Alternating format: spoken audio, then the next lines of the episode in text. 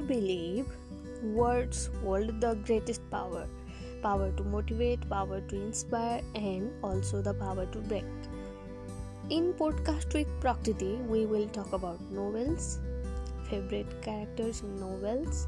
We will talk about our high school love stories, our college love stories, and breakup stories, of course, friendship stories, and many more on a weekly or a fortnightly basis.